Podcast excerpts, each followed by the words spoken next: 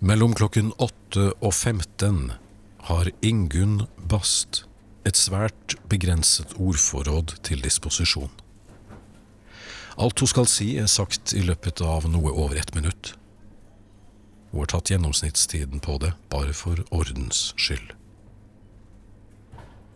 Tiden det tar, kommer litt an på hva som ligger på båndet, men i gjennomsnitt et drøyt minutt. Hei, pose, kvittering. Før pleide hun også å si totalbeløpet, men det var det ingen som svarte noe særlig på, derfor så droppa hun det. Mer er det ikke å si mellom 8 og 15 for Ingunn Bast. I lunsjen med de tre andre ekspeditørene har hun ingenting hun skal ha sagt. Derfor blir det med det. Rett etter klokken 15 tar hun uniformen av, trekker på seg den grå anorakken og går.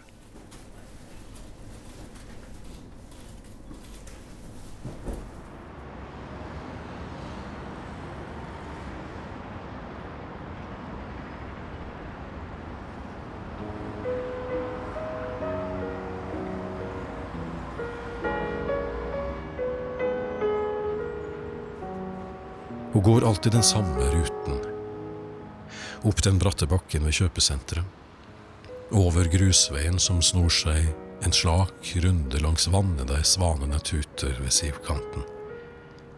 Fram langs kanten av togskinnene.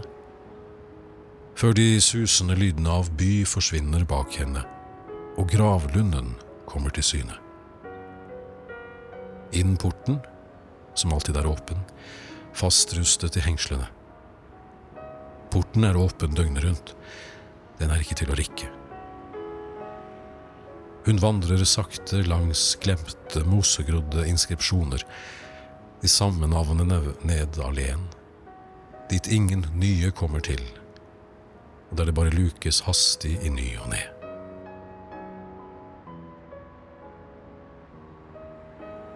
Nederst ved det tørre kastanjetreet stanser hun, der han ligger. Hun nøler alltid før hun formulerer de første ordene.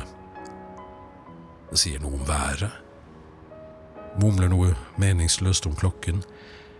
Den siste tiden stemmen sprekker alltid opp i to deler når hun forteller at hun savner ham.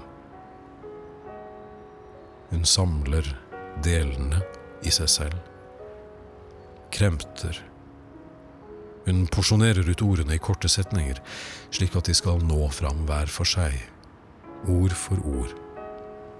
Det er langt fram dit hvor han er. Hun tenker seg at ordene skal bære gjennom den mørke jorden, finne veien gjennom støv og sand.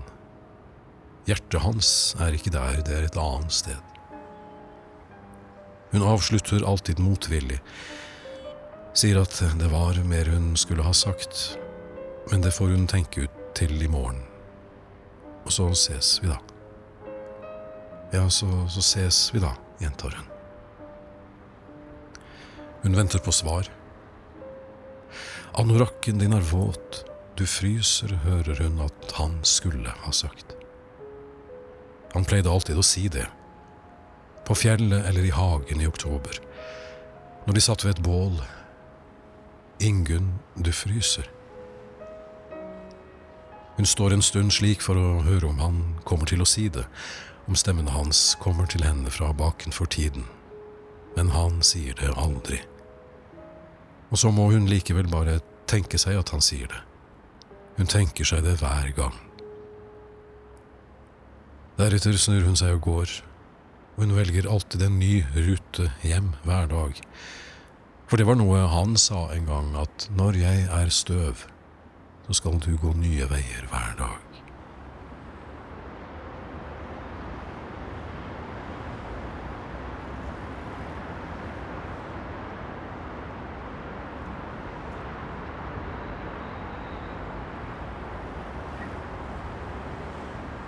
På vei hjem stanser hun ved butikken hun egentlig ikke skal handle på.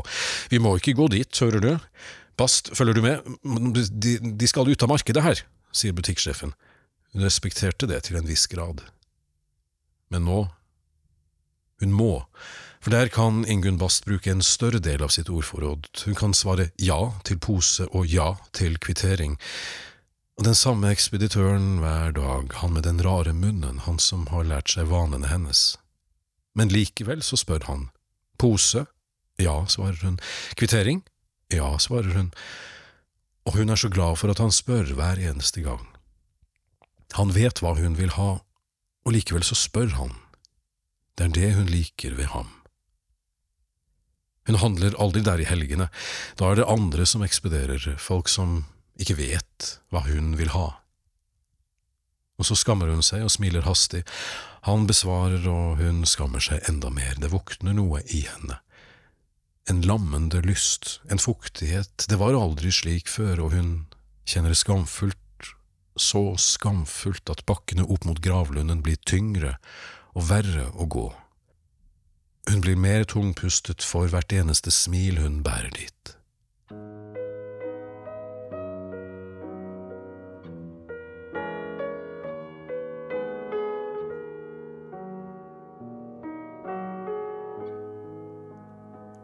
Det hender hun når porten med et smil, noe hun skulle sagt ham, men hun legger det alltid vekk, gjemmer alltid ordene, stanser pusten, gjenvinner kontrollen.